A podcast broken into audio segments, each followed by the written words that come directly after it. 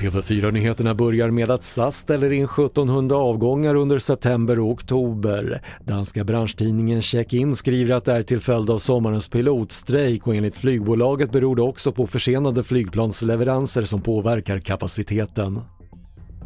En man misstänks ha utsatts för ett mordförsök i Sundsvall. Polisen som larmades tidigt i morse hittade den skadade mannen utomhus och man tror att skadorna kommer från någon slags tillhygge. Den misstänkta brottsplatsen är avspärrad men ingen misstänkt är gripen. Flera explosioner ska ha inträffat nära en rysk militärflygplats på Krimhalvön under natten rapporterar nyhetsbyrån Reuters.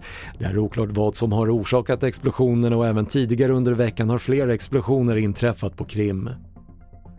Och Apple varnar för en sårbarhet i bolagets telefoner och datorer. Teknikjätten säger att man vet om att sårbarheten som gör att hackare kan få full tillgång till apparaterna har utnyttjats men nu har Apple släppt uppdateringar för att korrigera säkerhetsbristerna.